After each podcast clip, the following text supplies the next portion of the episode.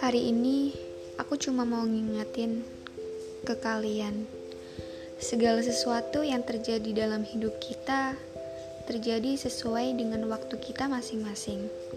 Tidak sama dengan orang lain. Mungkin kita sering merasa teman kita lebih maju dari kita. Terlihat kehidupannya lebih baik dari kita.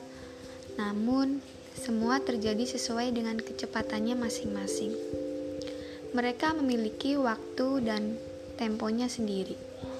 Begitu juga dengan kita semua. Kuncinya terus bersabar, terus berjuang, nikmati prosesnya. Do your best.